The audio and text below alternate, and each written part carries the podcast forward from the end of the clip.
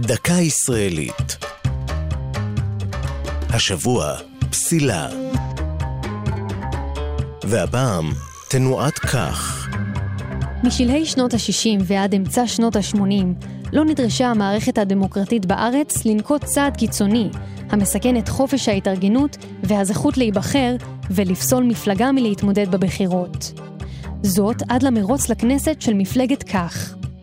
שלוש פעמים, משנת 73 ועד שנת 81, ניסתה התנועה להתמודד בבחירות, אך לא עברה את אחוז החסימה.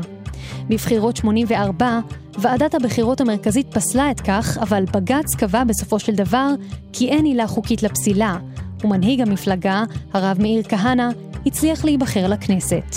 אולם המאבק נגד תנועת כך נמשך בעודה בכנסת. מפלגות הימין והשמאל שינו את חוק יסוד הכנסת, ונקבע כי מפלגות בעלות מצע גזעני לא תוכלנה להתמודד בבחירות.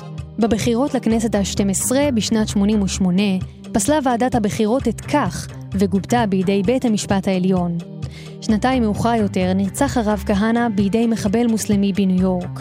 לאחר מותו הקים בנו, הרב בנימין זאב כהנא, את תנועת כהנא חי.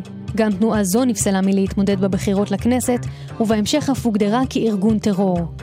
לימים נרצח גם הרב כהנא הבן בידי מחבל ערבי.